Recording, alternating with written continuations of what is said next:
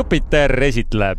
planeet Hollywood stardib taas, et tuua teieni kõige uuemad ja ütleks kõige huvitavamad filmiuudised. muidugi on ka meil nädala nael, mis siis äh, seekord on Equalizer kolm Denzel Washingtoniga peaosas ja, üldse selline lõbus äh, filmiteemaline saade see on ja, ja ma mõtlesin ka selle peale, et mis meid võib-olla eristab äh, teistest, ongi see, et täitsa selliselt mõnusalt vabas vormis ja me keskendume ka alati nendele kõige siis populaarsematele, ingliskeelne väljend mainstream imatele asjadele. mulle mainstream asjad meeldivad ja hea meelega räägiksime või räägime sellest siin alati koos täpselt nii, mina olen Richard, minuga on siin Andri, aga täna, kusjuures on äh, erand, mis võib-olla kinnitab reeglit, et me räägime natuke ka väiksematest ja Eesti filmidest ehk siis Eesti telefilm on meil täna fookuses mm -hmm. ja õige pea tulebki meile külla Toomas Luhats, ERR-i juhatuse liige, kes räägib meile veidi sellest äh, nii-öelda vanast brändist, kuidas see nüüd taaselustati ja äh, mida siis see Juuriku telefilm täpselt, äh, kuidas see välja näeb?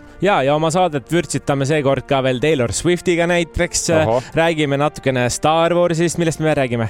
räägime ühest eepilisest Mõõga ja sandaali filmist, mis tuleb Saudi Araabias ühesõnaga Saudi Araabias hakatakse filmima ja peaks midagi Trooja ja gladiaatori sarnast tulema, et üks sihuke lahe uudis oli no väga lahe ja nagu ma ütlesin ka ennist, siis Equalizer kolm on nädala naelaks ja veel teine film ka, Koera kättemaks, nii et äh, häid asju on meil palju, aga alati alustame sellise mõnusa küsimusega siit ja üks selline väide on, mis levib siin Eestis ringi, on see, et tele on surnud ja enam keegi televiisorit põhimõtteliselt ei vaata, kõik vaatavad nüüd oma striiminguid. ma tean, et paljudel noortel ei ole isegi telekat kodus, no seda ma tean, et telekad on meil mõlemal olemas, aga, aga mida sina arvad, et äh, kui võtta nüüd striiming versus tavaline televisioon, kummale poole sina kaldud ja, ja mida sa üldse sellest arvad, et eh, inimesed telekat ei vaata?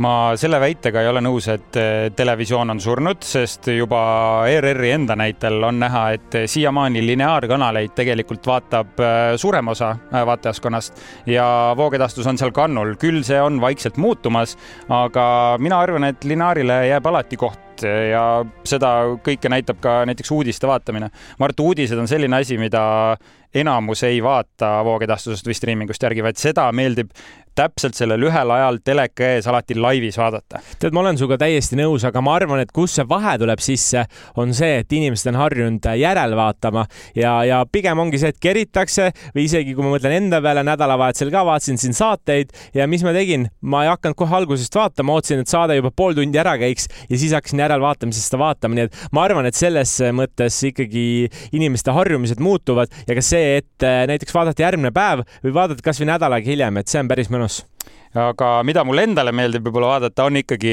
äh, on ikkagi pigem voogedastus ja, ja streaming just, et mina eriti lineaarkanaleid ei vaata, kuigi küll Jupiteri otse kaudu mulle meeldib ETV kanaleid vaadata.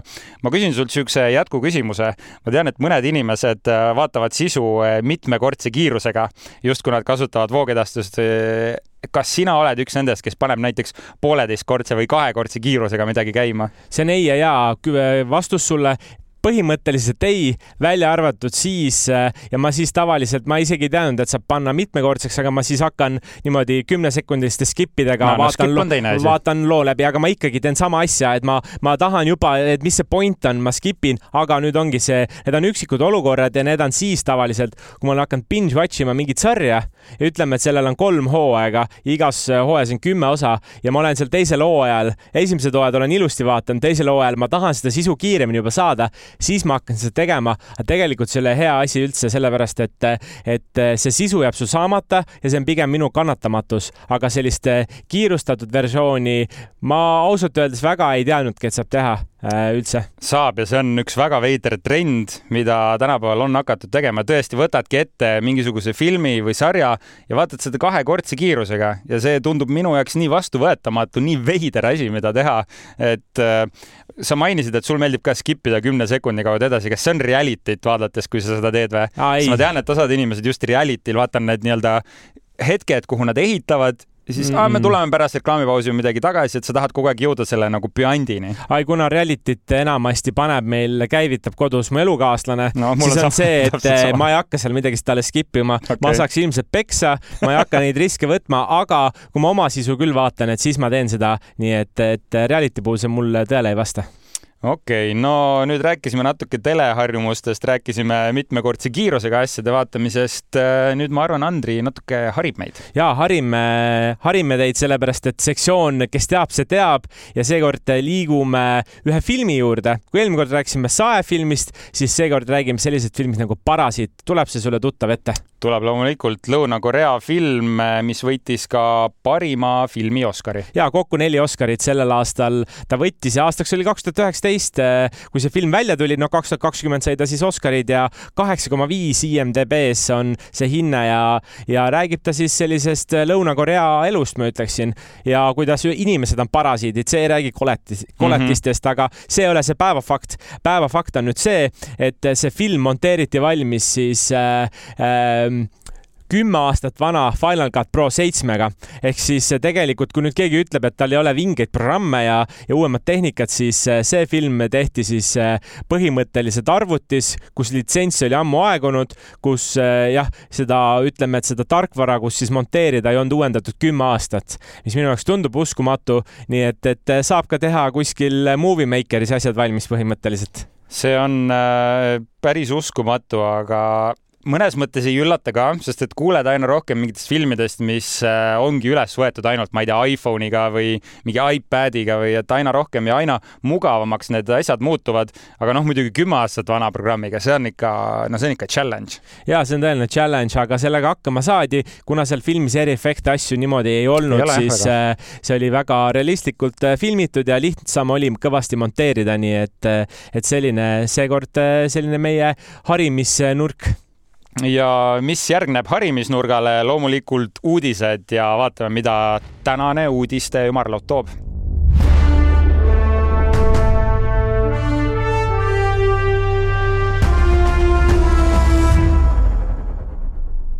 ja esimeseks uudiseks olen välja valinud küll, tundub alguselt muusikauudise, sellepärast räägime Taylor Swiftist, et kuidas tema mahub siia üldse, ma ei tea, kino või filmimaailma. ta ei ole ju niimoodi üles astunud, tal on küll Miss Americana dokumentaalfilm mm -hmm. näiteks Netflixis, kui keegi tahab vaadata. minu meelest väga hästi kajastab sellist muusika eh, elu või muusikute elu, sest need mustrid on väga tihti samad, aga kus läheb nüüd Tayloriga huvitavaks, on see, et me teame, et ta tuuritab praegu Ameerikas, järgmine aasta on ta tulemas ka Euroopasse, aga aga ta tegi ka, ta tegi kavala lükke, kus ta siis äh, otsustas ka oma tuuri üles filmida.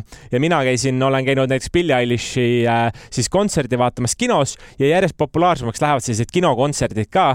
Ja see läks talle maksma umbes äh, kakskümmend miljonit, aga hea uudis või kus ta on nüüd on rekordeid punust, purustanud kinode mõttes on see, et äh, on paisatud siis Ameerikas äh, ka eelmüüki tema piletid. Ja ta tegi üleüldse maailmas äh, eelmüügipiletid punktidega teise rekordi ehk siis teisele kohale platseerus. esimene koht oli Avengers Infinity War on ja nüüd Taylor on eelmüügirekordiga teisel kohal. ta müüs eelmüügis juba kahekümne kuue miljoni eest äh, pileteid, mis on täiesti arvestades, et mis meil kinomaailmas toimub, et inimesed ei käi kinos, siis Taylori tuuri nõus maksma ja see oli nüüd alles äh, paar päeva tagasi info, mis nüüd saab, palju seal eelmüügis läheb tegelikult. no neid numbreid me näeme, sest film jõuab kinodesse kolmteist oktoober ja kui nüüd keegi mõtleb, et aga tahaks Eestis ka näha seda, siis minu meelest Euroopasse praegu öeldi, et tuleb järgmine aasta. Nad tahavad, et see tuur oleks juba käiks ja, ja muidu on see, et inimesed lähevad, vaatavad selle ära ja siis nad tuurile ei taha minna. nii et eh, meil on ka oodata, aga lihtsalt see, et eelmüügirekordile, selle peamise rekordi purustamisele nii lähedal ja et ta on teisel kohal, tundub mulle uskumatu või kuidas sulle? kas sa tead, kes esimesel kohal oli? ja ma ütlesingi, see tasujad Infinity Aa, War okay, okay. on. Eh, okei okay,, ma mõtlesin, et seal on mingi kontsert, mis oli eh, enim müünud, aga point ei olegi siis see, et see, neid pileteid ei müüda mitte live-kontserdile, vaid reaalselt juba üles filmitud ja, kontserdi kinno, vaatamisele. kinno ja see ongi see, see ongi see rekord, et kahekümne kuue miljoni eest on juba müüdud. nii et eh, siit läheb see number ainult üles, nagu ma ütlesin, eelmüük veel käib ja AMC kinod, kes seda Ameerika Ühendriikides siis äh, nii-öelda välja jagavad, nad on ka väga õnnelikud äh, selle üle. keegi ei saa aru, aga noh, Taylor, kõik, mida ta puudutab, muutub kullaks. no tundub nii, sest ta on minu arust üks enim teenivam äh, muusik praegu üldse ja tema, ma kuulsin seda palju ta ühe tuuri pealt Äh, ise näiteks teenib ja tähendab ühe kontserdi eest. mis sa pakud umbes, palju ta saab? no mingi, ma ei tea, kümme miljonit. neliteist miljonit ah, wow. umbes mingi ühe kontserdi eest ja tema piletid on eepiliselt raske saada ka. eepiliselt raske, aga no loodame, et me näeme teda ka kinolinal teisel viisil, äkki Marvel või DC või keegi otsustab, et annab ka talle seal rolli, mina läheks kindlasti vaatama, aga Richard, mis meil veel on? Ja leidsin siukse põneva uudise, et äh, Amazon võitis enampakkumise filmile Crime one oh one, mille peaosas on Chris Hemsworth ja Pedro Pascal. Äh, Crime one oh one on siis äh, tulevane kriminaalne põnevusfilm mis baseerub samanimelisel lühiromaanil ja mm, kui väga paljud stuudiod tahtsid seda filmi endale saada, sealhulgas oli ka Netflix ja paljud teised. Amazon võitis nii, et nad pakkusid üheksakümmend miljonit dollarit, see oli kümme miljonit vähem kui Netflix, aga põhjus, miks see läks Amazonile, oli see, et Netflix nõudis äh, stsenaariumi ümberkirjutamist ning nende puhul ei oleks film saanud äh, piisavat kinolevitust. nii et ähm, Amazon oli nõus selle suurema kinolevitusega, mis oli üheks siis müügiartikliks, aga millest see Crime one on oh one räägib, ongi siis ähm, kaks peategelast, äh, detektiiv Lou Lubesnik ja juveelivaras, keda ta üritab kinni nabida täpselt ei ole teada, kumba karakterit siis Hemsworth hakkab mängima ja millist Pedro Pascal, aga noh, ma arvan, et võib eeldada, et Chris Hemsworth on pigem see detektiiv, see õigluse tagaaja ja Pedro Pascal on see juveelivaras, et neil pigem on sellist mm -hmm. noh, no ütleme, Pedro Pascalil on niisugune salakaval selline no tundub juba eepiliselt lahe, et need näitlejad on lahedad, see, et see nii-öelda skript või käsikiri läks nii kalli hinna eest, on ka näitaja, aga noh, miinuspool on minu meelest see, et nüüd need ootused on nii kõrged peal, kõik ju ootavad sellest midagi. Nii et äh, ma ütleks, paneb pinge peale, palun ärge keerake vussi, meie tahaks ka väga näha ja soovime edu ja, ja põnevaks just teebki see, et kuna praegu on streik käimas, pole õrna aimu ka, millal reaalselt see film äh, võttesse läheb, äh, eks ole ähm, ja nüüd just äh, mõni päev tagasi tuli ka uudis, et Chris Hemsworth võib-olla tahab üldse taganeda sellest projektist ja see on nüüd Amazonile päris korralik äh, kaigas kodarasse, sest nad ostsid selle filmi selle mõttega, et Pedro Pascal ja Chris Hemsworth on mm. need kaks staari. nii et juba nüüd on äh, natuke noh eks näis siis, mis saab. nõmedalt tehtud, et aga loodetavasti ikka Hemsworth selles projektis kaasa teeb ja noh, nagu me teame, Hemsworthi siuksed action filmid on päris ägedad, me oleme Netflixis näinud ka Extractionit ja no Pedro Pascal ei ole ka üldiselt kehvades projektides ta kaasa ei tee jaa, aga maailm, mis paljude jaoks ei ole üldse võõras, Star Warsi universum ja noh, see on olnud siin pea viiskümmend aastat juba vana, inimesed on armastanud, osad on ka vihanud seda, aga me teame, et praegu Disney plussis käimas selline Star Warsi sari nagu Star Wars Ashoka ja George Lucas, kes on siis Star Warsi looja, kui nii võib öelda, siis tal on olnud läbi aegade ainult üks ja ainus reegel palun ärge Star Warsi universumi suurendage, ärge looge seal rohkem galaktikaid, ärge tehke mitte midagi. Ja nüüd, nelikümmend kuus aastat hiljem, on see reegel rikutud Star Wars Ashoka poolt, sellepärast et uues sarjas on näha, kuidas siis on otsustatud hakata Star Warsi siis äh, galaktika piire laiendama ja on äh, toodud mängu ka uut galaktikat, mis tähendab seda, et äh, terve see frantsiis võib liikuda A väga uude suunda, B, see keelatakse üldse nüüd ära, sest tegelikult ei tohtinud seda teha või et C, äh, toimub midagi kolmandat, mida me ei suuda ettegi kujutada.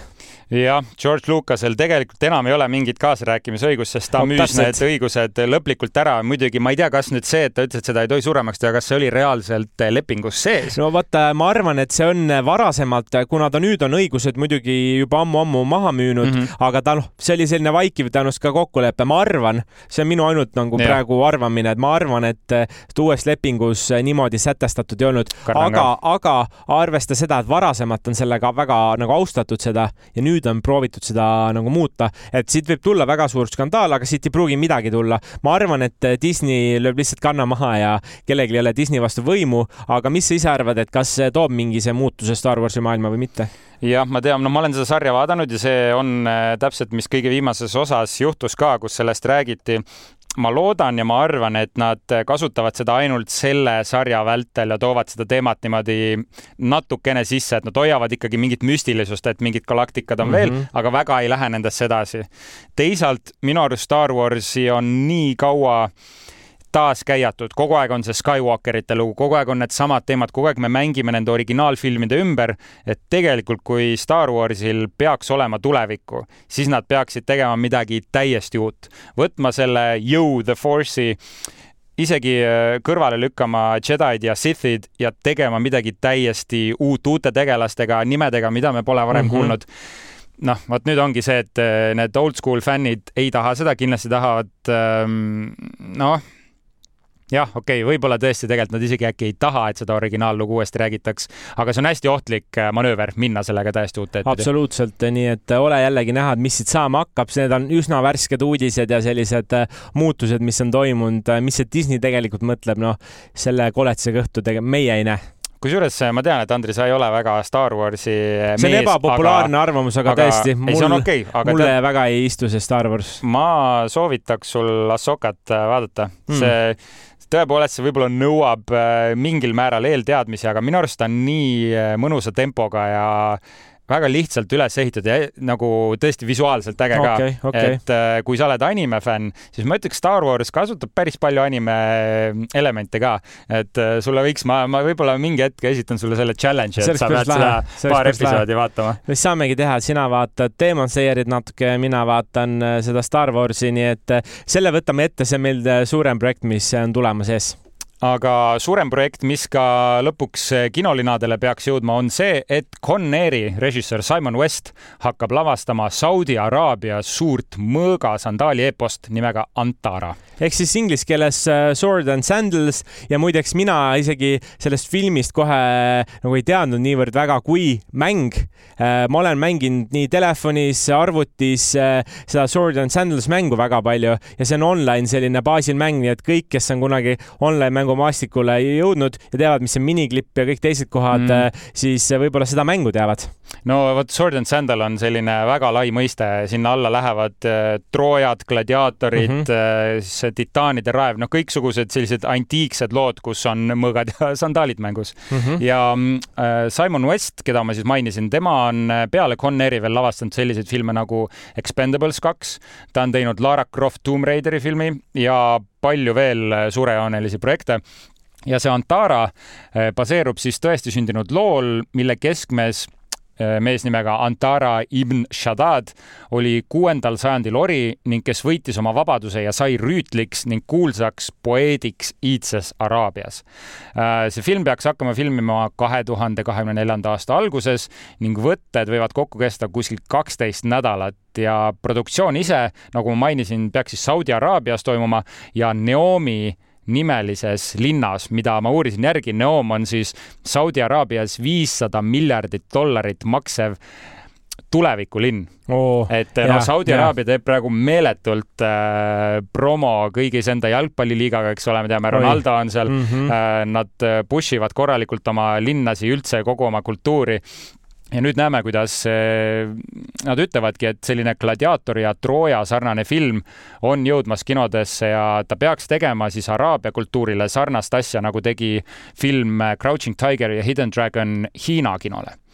ja tõesti väga suur plaan, väga suur ettevõtmine ma ei ole sada protsenti kindel, kas Simon West on parim valik selle filmi režissööriks, sest nagu mainisin, tema filmid on olnud väga sellised lihtsakoelised ja popkorni mm -hmm. filmid, mis on, mis on okei okay,, aga seal on vaja natuke sügavust, just nagu Ridley Scott äh, tegi siis Gladiatori filmis, et äh, sellist natuke kvaliteetsemat lähenemist, samas hoides seda väga sellist kassahitti meelelahutuslikku poolt ka. no potentsiaali on palju igastahes ja, ja ega sealtpoolt hakkab ka neid asju järjest rohkem tulema. raha räägib ikkagi, kellel on no, suuremad, suuremad eelarved, suuremad stuudiod, suuremad tegemised, ma arvan, et sealtpoolt on oodata veel mõndagi. kas sa läheksid seda filmi kinno vaatama? ja kindlasti, ma arvan, et kui, kui see tundub mulle vähekenegi, et on kannatatav vaadata, et ja ta on selline mainstream film, siis muidugi ikka mainstream meile meeldib ja selleks äh, on uudiste ümarlaud ühel pool.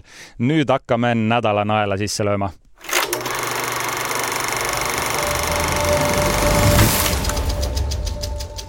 ja seekord on meil äh, kaks filmi, üks äh, film, mida käisin ainult mina vaatamas ja teine film, mida nii mina kui Andri vaatasime alustame vast sellest, mis me mõlemad käisime vaatamas. ja esimeseks filmiks äh, Kutsuge McCall kolm või siis Equalizer kolm. mulle see eestikeelne nimi tegelikult üldse ei mm -hmm. meeldi, ma tean, et sa kogu aeg ütled seda mm -hmm. ja siis ma olen, et aga mis film see on, mul kohe nagu see sõna Equalizer, et minu jaoks see on nii suur kuidagi ja lahe nagu äh, nimi või siis ma ütleks selline filmi pealkiri. kokku on siis kolm osa olnud, kaks tuhat neliteist oli esimene Equalizeri film.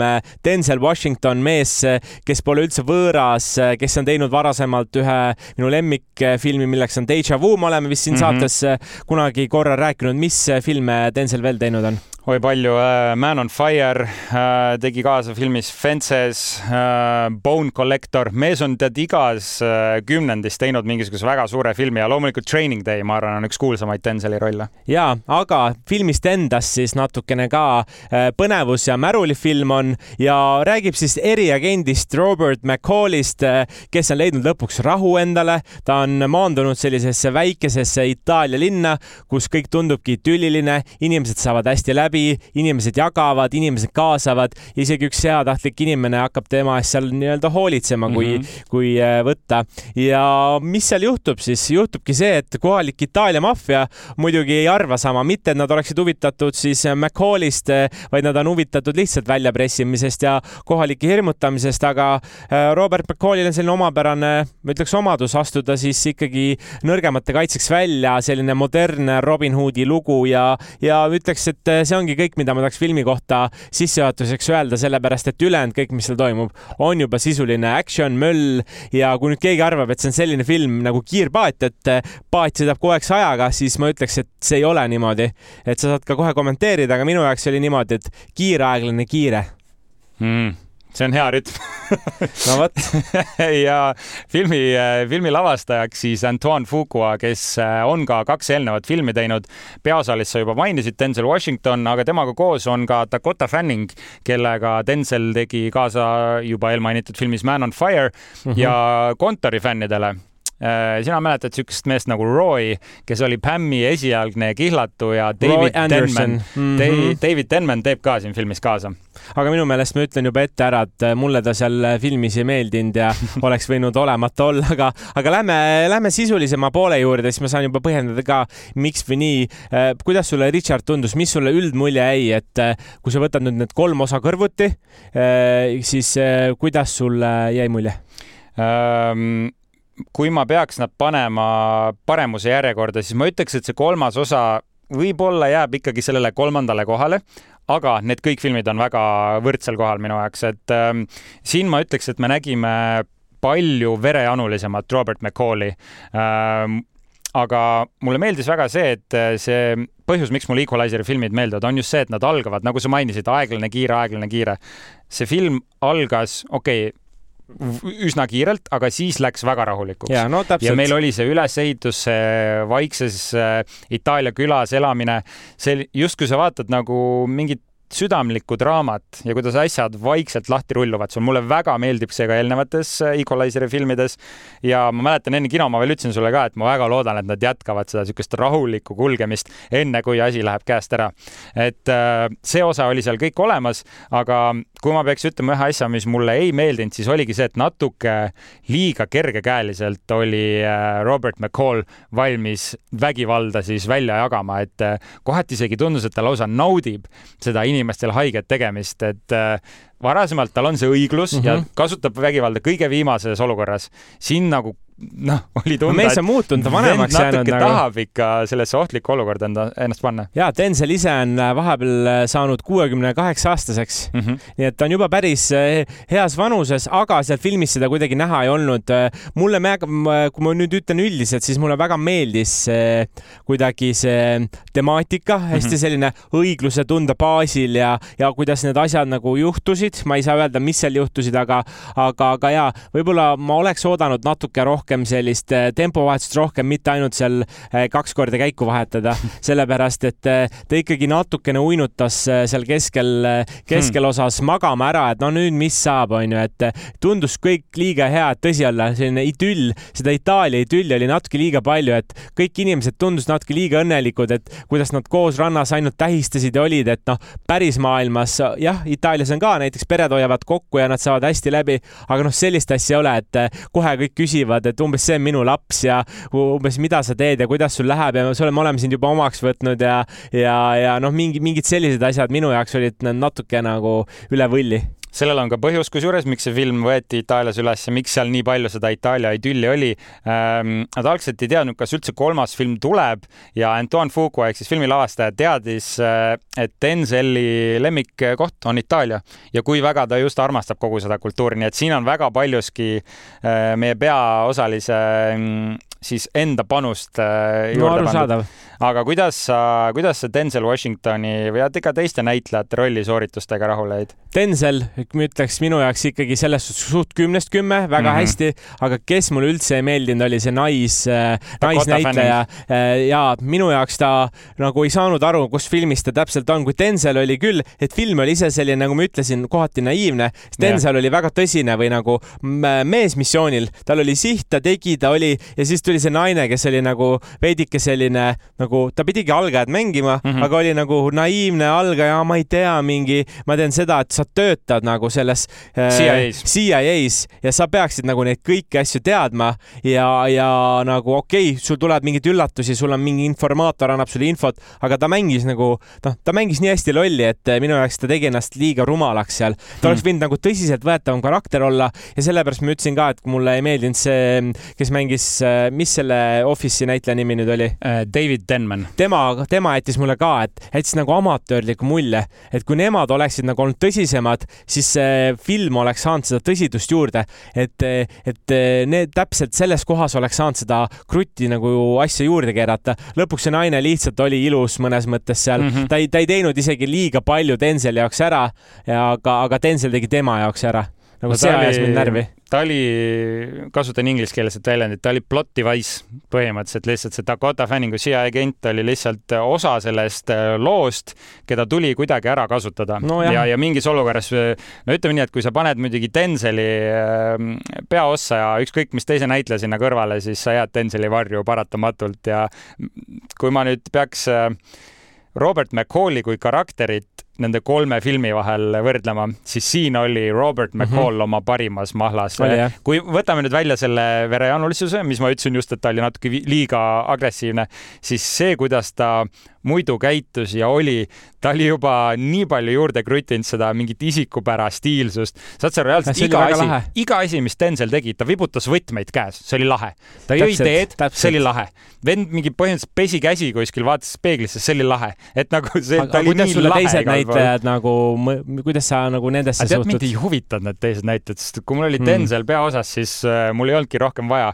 aga kui ma mõtlen nüüd nende pahalaste peale, nende Itaalia mafioosnike peale, no need olid kõige stereotüüpilisemad karakterid, mida me oleme üldse kusagil näinud, et mm -hmm. seal ei olnud mitte mingisugust mitmetahulisust. Nad olid ka lihtsalt järjekordne takistus äh, Robert McCalli teel ja noh, ütleme nii, et see film oli stiilne, ta oli hea action'iga, aga lugu ise on selline, mida me oleme näinud äh, korduvalt aga nüüd, kui minna sinna kategooriasse, et kas me seda soovitame, siis äh, meil on olnud see kolmes kategoorias, kas ära mine üldse vaatama äh,, mine, aga võib-olla selline viiskümmend, viiskümmend, et võib sulle meeldida, mitte või mine kindlasti, sest see on see film, mida peab nägema, siis kuhu sa ta paneksid? mina ütlen, et seda filmi tuleks kindlasti kinno vaatama minna ja äh, kui esimesed filmid võib-olla tundusid rohkem sellised, mida võiks ka vabalt ka Netflixist vaadata, siis siin oli just seda Itaalia glamuuri ja, või noh, mitte, mitte isegi glamuuri, vaid seda sellist sümpaatiat ja suurejoonelisi kaadreid ja kui action'iks läks, no siis action ikka oli väga kaasahaarav, et minu arust on see just selline reede õhtu kinofilm ja ma mõtlesin enda jaoks, me ei ole Richardiga läbi seda rääkinud, et äh, selline hindamissüsteem, et kas ma soovitaks seda oma vanaemale mm, ma soovitaks seda oma sõbrale või ma soovitaks oma vennale, kes on palju noorem, siis ma oma vanaemale seda kindlasti ei soovitaks. aga sest, see on ju ka vanainimeste film natuke. jaa, aga ma arvan, et ikkagi äh, tema ei saa aru, kas ma soovitaksin seda oma sõbrale, jaa, ma soovitaks seda kindlasti, sest minu meelest see on suht lahe, kas ma soovitaks seda oma vennale, jaa, ma soovitaks seda sellepärast, et äh, mulle väga meeldis, minu jaoks ta on selline, kui väga klassikaline film, keskmine film, keegi ütleb, soovita mulle üht keskmist filmi, kindla peale minekut, äh, mis on nagu selline mõnus vaatamine, lihtne vaatamine, ta ei ole Oppenheimer äh, kindlasti, ta ei ole Barbi, ta ei ole ka mingi selline nišifilm, ta on väga Hollywoodi klassika, läheb sinna täpselt keskele ja, ja sellepärast ma ütleks ka, et pigem minge vaadake ja siis on meie poolt niisugune topeltsoovitus antud äh, ja lähme edasi teise filmi juurde, mida käisin äh, ainult mina vaatamas ja pealkiri on Koera kättemaks, ingliskeelne nimi Strays. tegemist on siis musta komöödiaga ja niisuguse seiklusfilmiga ja peategelane Reggie on koer, kelle arvates on tal ideaalne elu. tema omanik armastab teda ja ta tunnebki, et tal pole rohkem õnneks vaja tegelikkus on aga see, et tema omanik vihkab teda ja üritab iga hinna eest temast lahti saada. ja ühel hetkel, kui siis omanik viib ta nii kaugele kodust, et Regil ei õnnestu oma kodu leida, hakkab ta siis teiste koerte abiga oma koduteed mm -hmm. taas kord üles otsima, aga eesmärgil kätte maksta oma omanikule siis ähm,. näitlejad, kes siin filmis kaasa teevad, on Will Ferrell, kes mängib siin peaosalist, teised on veel Jamie Foxx, Ayla Fisher, Fisher, Randall Park, Will Forte, Josh Gad ja Sofia Vergara. no näitlejad, keda ilmselt oleme näinud palju ka Marveli filmides, teleseriaalides Sofia Vergara tegi siis Modern Family's kaasa. filmi mm -hmm. lavastajaks äh, Josh Greenbaum, kes äh, on varasemalt New Girli sarja Oi. teinud. kui see film oleks värv, siis mis värvi see film sinu jaoks oleks mingi hästi ropp värv. on jah see, see on päris ropp ja see film nagu tagasi ei hoia oma huumoriga, et ta on, ta on ikka sihuke jalaga tagumiku tüüpi huumor. ma ei tea, kas kunagi nägid siukest animatsiooni nagu Sausage Party vist ei ole näinud. aga Teddy filme oled näinud?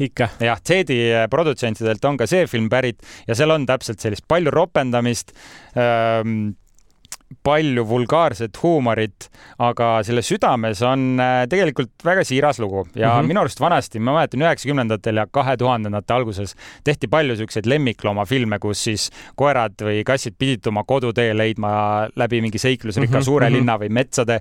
et siin oli nagu seda poolt, aga siis otsustati see keerata totaalseks mustaks äh, komöödiaks, et äh, nagu veidike šokeerida ja naerutada publikut. aga kuidas see sulle mõjus, et see keerati mustaks heaks komöödiaks, kas see pigem sind kuidagi häiris või see oli see, et see aitas seda filmi edasi kanda ja päästis natuke ja see oli lahe? mina ütleks kindlasti see huumor päästis ja need äh, näitlejad, kes oma hääle andsid, olid, äh, no nad on ikka komöödiaga varasemalt kokku puutunud ja no Will Ferrell, üks parimaid komöödianäitlejaid, kes meil üldse on. Ähm, Will Forte, kes mängis siis seda omanikku, me oleme MacGruberi filmis teda näinud, siin ta tegi ka niisugust täiesti põlastusväärset karakterit. et ähm, mina ütleks, et see huumor oligi see päästev faktor selle filmi puhul. aga noh, ta on ikkagi üsna laiaulatuslik, selline lihtne huumor. aga on midagi, mis kuidagi nagu täiega vastu hakkas käima, et äh, kui me rääkisime või oli see tempo või midagi muud, kas oli mingi asi, kus sa no mõtlesid, et pekki, noh, see ei ole päris see? Tead, võib-olla selle filmi lihtsus ja nagu niisugune originaalsuse puudumine oli veidike see, mis häiris. Äh, mida ma tahaks väga välja tuua, mida see film oleks võinud teha väga halvasti, on tavaliselt, kui on rääkivate loomade filmid mm, -hmm. siis tihti need karakterid äh, tehakse CGI arvutigraafika abil okay.. siin oli kasutatud päris koeri ja kasse. ah,, wow. lihtsalt suud olid animeeritud äh, liikuma ja see mind nii häirib, kui ma vaatan mingisugust loomade filmi ja ma näen, et see on lihtsalt välja joonistatud karakter. Okay.. et selles mõttes oli see plusspunktid, ma saan aru. jaa, absoluutselt, selles mõttes plusspunktid ja noh, see on noh, ütleme nii, et see on film, mida ma ütleks, et võib minna kinno vaatama, see on sellises keskmises kategoorias, seda võib vaadata ka koduses äh, voogedastuses. tead, äh, sinu sellest äh, arvustusest jäigi mulle täpselt see mulje, ma mõtlesin, et ma ütlen sulle, müü see mulle maha, aga mul jäigi kõlama see, et seal on sellist head aga musta, seal on see head musta huumorit, aga ega seal vist väga-väga muud ei ole, et ma saan aru, et algus ja lõpp ja, ja, ja nii ongi. see fil-, selle filmi treiler annab väga hästi ära, mis tüüpi film see okay. on, et kui treiler meeldib, siis see film meeldib ja noh, ma garanteerin, et sa sa naerad kõva häälega ja siis, kui sa naerad, sa tunned natuke piinlikkust, miks ma naersin nii labase nalja no, peale okay., aga see paneb ikkagi sind naerma. no juba olen natukene müüdud, aga tead, ma kuulen vaikselt ühte koputust, äh, sellepärast et äh, üks mees on siia jõudmas. just nii, võtame vastu meie tänase saatekülalise.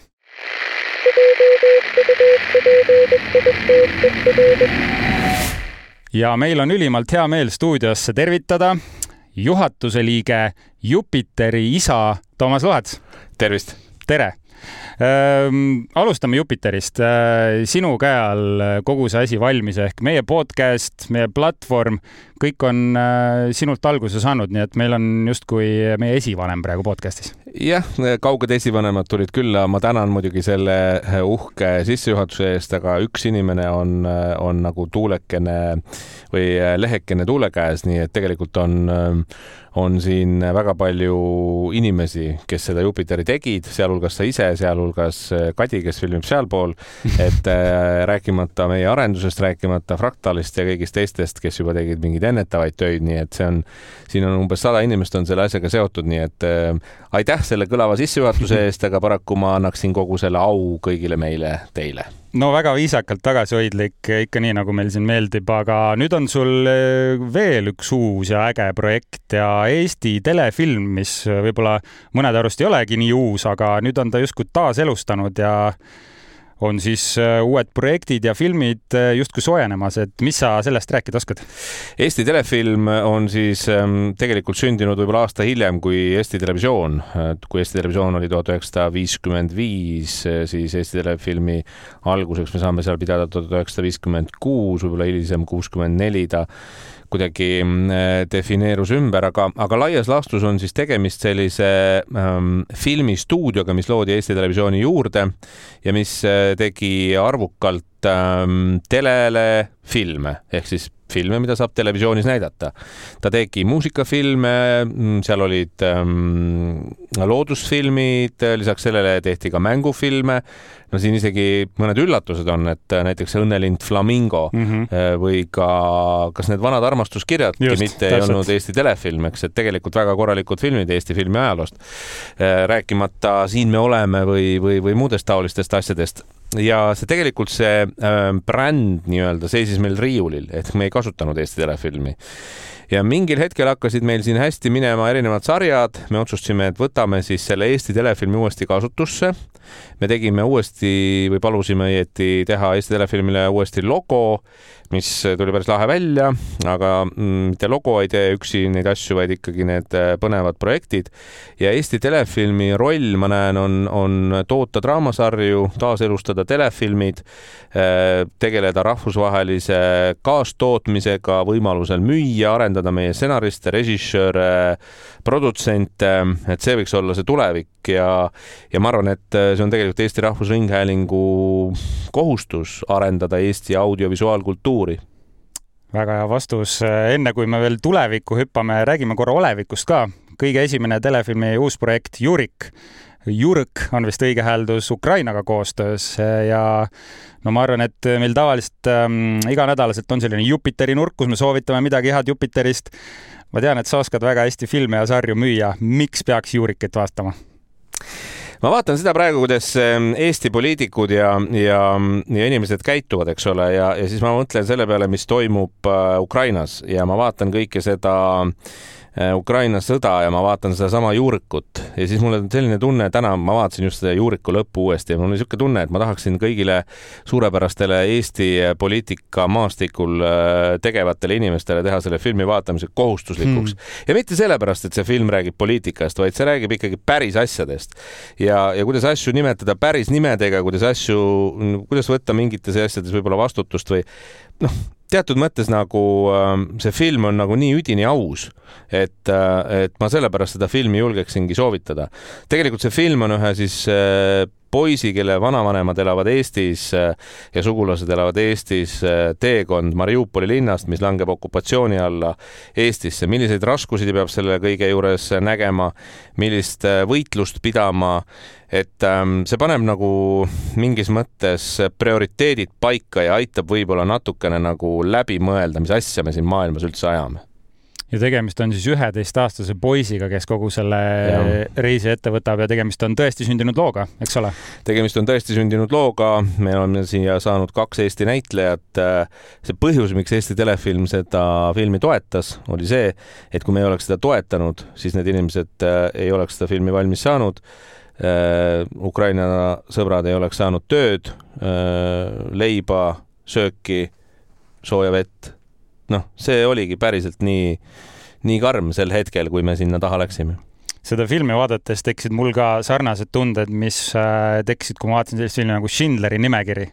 Päris äh, karm, õõvastav, samas üdini aus ja hästi oluline lugu, et mõnes mõttes võib ka seda pidada ju peaaegu selliseks dokumentaalfilmiks, mis on siis lavastuslikus võtmes tehtud ta on, äh, ütleme, kui ta algab, siis äh, ütleme selliselt, kui me räägime mingisugusest kunstiväärtusest, kui me räägime nagu suurest mängufilmist, siis noh, ta ei ole kahtlemata nii võimas kui mingi Hollywoodist tulnud mm -hmm. Oscarile kandideeriv film, eks. et ta on tagasihoidlikumate vahenditega tehtud, on aru saada, et mingid kohad on tehtud stuudios ja nii edasi.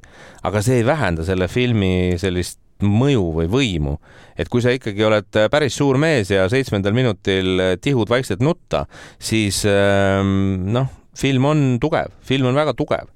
ja mul tuleb meelde ka üks päris ägedalt filmitud action stseen ka, mis toimus siis tankis ja, ja ütleme nii, et kui nagu sa mainisid, et vahendid olid piiratud, siis see tankisseen oli, see oli küll tunne, et vaatad niisugust võimast sõjafilmi kohati noh, tegelikult äh, ma ootan väga Ukraina sõja lõppu selles võtmes, et ühest küljest ma ootan Ukraina võitu, aga, aga teisest küljest ma ootan seda, et kui Ukraina selle sõja võidab äh, ja Ukrainasse saab jälle lennata Tallinnast otselennuga siis äh, see, millist audiovisuaalset kraami sealt hakkab tulema, milliseid sarju, filme ja nii edasi asju hakatakse tootma, see on, ma arvan väga,, väga-väga vägev. Ja, ja meie asi on seal kaasas olla ja no näiteks praegu on Ilmar Raag Ukrainas, kes filmib Eesti Telefilmi jaoks ähm, kas siis ühe või kolmeosalist äh, dokumentaalsarja, oleneb väga palju sellest, mis, äh, missuguste sündmuste keerisesse Ilmar praegu ähm, satub. aga noh, vaat ka sellised äh, ütleme, ad hoc projektid on need, mida me saame Eesti Telefilmi alt toetada ja mida me kindlasti teeme, nii et me oleme selle asja väga tõsiselt ette võtnud. selle, see viibki mind järgmise teemani, et tulevikuprojektid. Äh, korra mainisid siin ühte, ma tean, et äh, draamasarju on veelgi ägedaid tulemas, tee sihuke mõnus ettevaade, mida ägedat tuleb, sest et noh, meil ei ole ainult sellised äh, olulised ja tõsised teemad, siin tuleb ikka meelelahutust ka. no kohe on elu võimalikkusest maal on juba võtme või tootmises, seda teeb Anatoli Tahvitšuki tiim ja Ulm, kes siis mäletatavasti tegi rahvusvaheliselt päris eduka Salme Viikingid mm, -hmm. mille vastu on äh, huvi tuntud praegu päris mitmelt maalt ja seda on ka müüdud päris mitmesse kohta. ehk siis äh, Tafitšukil on läinud korda väga head Eesti näitlejad äh, võtta enda juurde ja siis nad uurivad, kuidas on Eestis võimalik maal hakkama saada. väga selline lubav ja peaks juba jaanuaris jõudma jõudma eetrisse. siis on meil samadelt tegijatelt Kai Väärtnõu toimetamisel tulemas Eesti ajaloosari, kes tegid ka Eesti kirjanduse loo, mis ma arvan, on üks Eesti Rahvusringhäälingu viimase aja õnnestunumaid saateprojekte, kus me ikkagi Eesti kultuuri ja, ja Eesti kirjandust väga selgelt väärtustame Jevgeni Supinilt on äh, tulemas äh, detektiiv von Fock, mis läheb võttesse järgmisel aastal. tegemist on tuhande kaheksasaja kaheksakümnenda aasta paiku toimuvate mõrvalugudega Eesti kaunites mõisates mm.. selle kusjuures isegi pitch'i või mingit ülesehitust olen ma isegi lugenud ja seal lõid mul silmad kohe särama, et seal on ilmselt ka Euroopa koostöö, eks ole, vist no praegu, Saksamaaga või? praegu tundub, et sakslastel on ka silmad särama löönud, vaatame, kuhu need lähevad.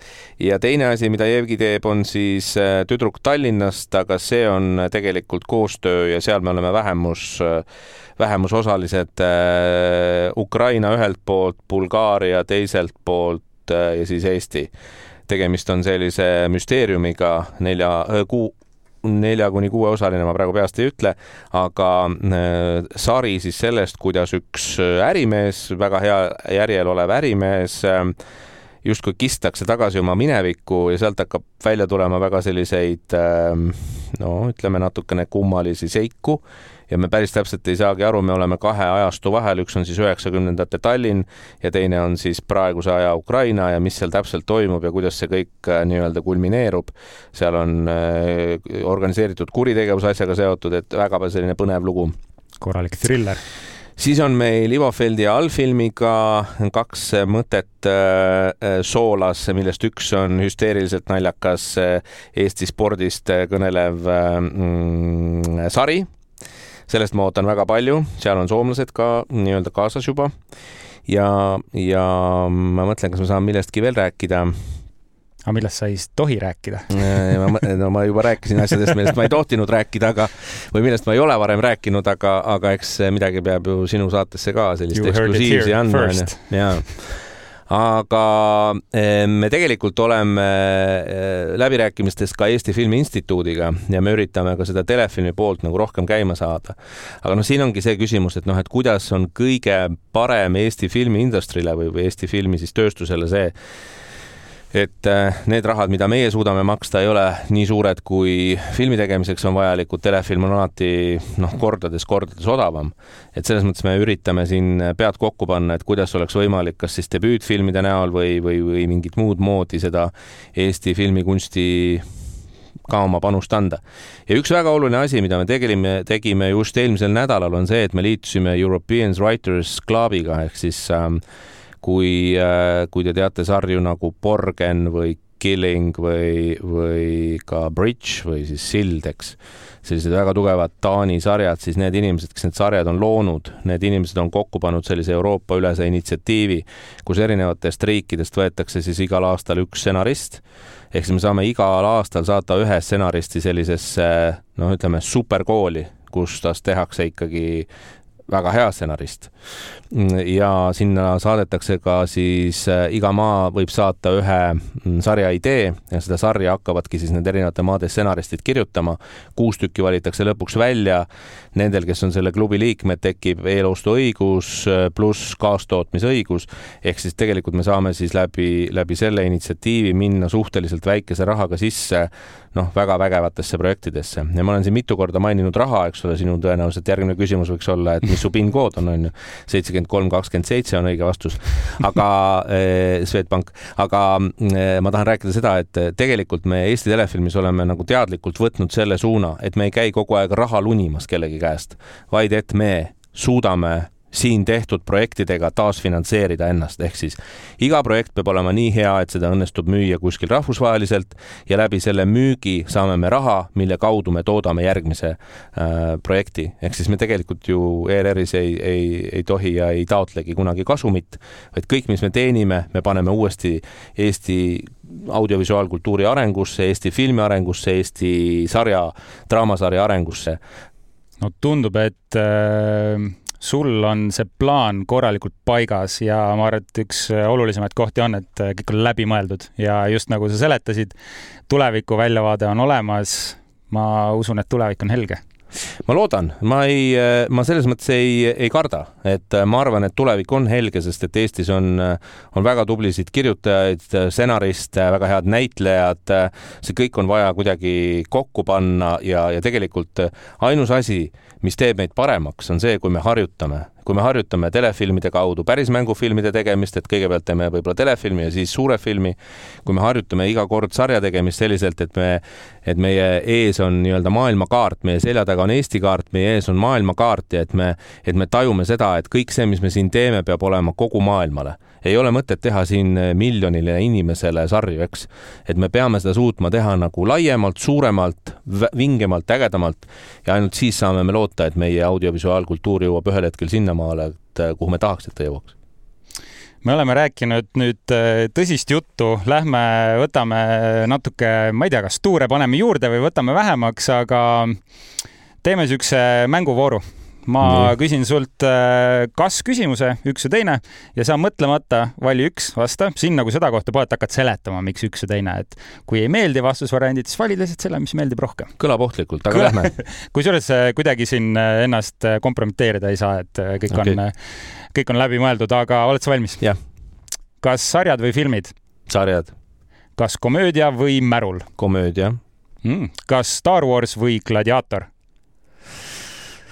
Raske. gladiaator uh,. kas Lord of the Rings või Harry Potter? Harry Potter. kas Hollywood või Euroopa kino? Euroopa kino mm.. kas The Rock või Vin Diesel?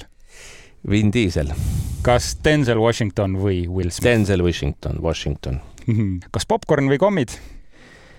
pähklid mm.. kas nimed marmortahvlil või viimne reliikvia? nimed marmortahvlil, värskem kas kassid või koerad? mõlemad. kas Tarantino või Nolan? Tarantino oi, see tuli kiirelt. sellega sai see voor läbi, ma arvan, et äh, meie kuulajad said äh, noh, võib-olla pealtnäha selliste naljakate küsimustega, tegelikult sind natuke paremini tundma õppida. ja meil on alati kohustuslik küsimus ka, kui külaline tuleb ja äh, paneme sinu nüüd sellisesse olukorda, kui sa peaksid sattuma üksikule saarele, seal ei ole mitte midagi muud, ainult millegipärast suurepärane telekaekraan ja siis DVD-mängija või Blu-ray mängija, mis iganes, ja sa saad ainult kolm filmi kaasa võtta, mida sa saad elu lõpuni vaadata seal. mis need kolm filmi on? võid ka seletada, miks? Forest Gump. see on mu lemmikfilm, ma arvan, kõigi aegade. Tom Hanks. kõigi aegade lemmikfilm, mis on tehtud um,. Siis võib-olla Gladiator äh, äh, Director's Cut mm. -hmm. Ridley Scottil, kusjuures teine film tuleb äh, Gladiatoril, varsti tuleb järg.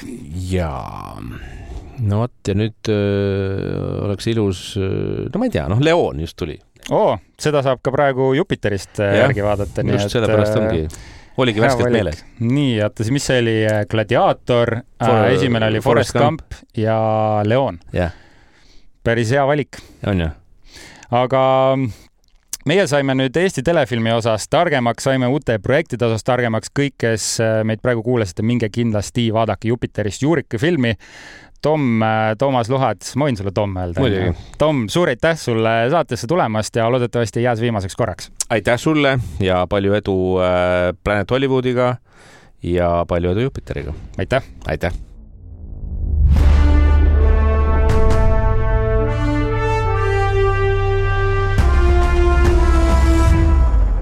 ja siin just kõlaski Toomas Lohats, aitäh talle, et ta võttis vaevaks siia tulla. minu meelest on alati põnev kuulda ka mingit teist perspektiivi, muidu meie siin midagi arvama ja mõtlema, aga kui ikkagi tulevad sellised suured eksperdid siia, siis see teeb tuju heaks. ja, ja ta rääkis päris palju asjadest, mida ei ole varem välja öeldud, et mm -hmm. selles mõttes ikkagi Planeet Hollywoodi eksklusiiv siin oli ja vaadake ja Eesti telefilmi Jupiteris ka timeline üleval ja Jupiteri nurk ongi meil sellel nädalal siis äh, Toomas Luhatsiga tehtud, et eraldi soovitusi me siit rohkem ei anna aga teeme väikse diiseri võib-olla järgmise nädala osas. ja järgmine nädal on selline teistmoodi nädal jälle, sellepärast et kinokavad äh, liiga hellad meie vastu ei ole, aga üks uus Eesti film on jõudnud kinodesse.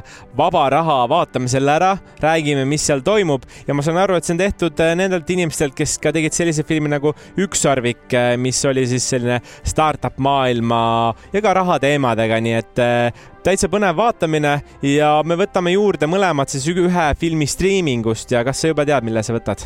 ja Netflixis lööb laineid praegu Adam Sandleri uus film pealkirjaga You are not so invited to my bar mitzvah täpselt mm -hmm. nii pikk mhm. konarlik pealkiri on, aga film ise on siis nagu mainis, minu teada on filmide all praegu Netflixi number üks. ja, ja mina võtan siis äh, ka Netflix jõudis siin alles eelmine nädal, eelmise nädala lõpus äh, live action äh, äh, sari One Piece, mis on, baseerub siis Jaapani animatsioonile, ühe maailma kõige populaarsema sellise Jaapani anime põhjal on see tehtud ja, ja ma tean, et sellega on ka päris palju juba poleemikat tekkinud. tahakski natuke rääkida, mida see üldse Netflixi jaoks tähendab ja ma ei ole seda näinud, nii et ma tahaks ka tuua need muljed siia stuudiosse ja teiega jagada.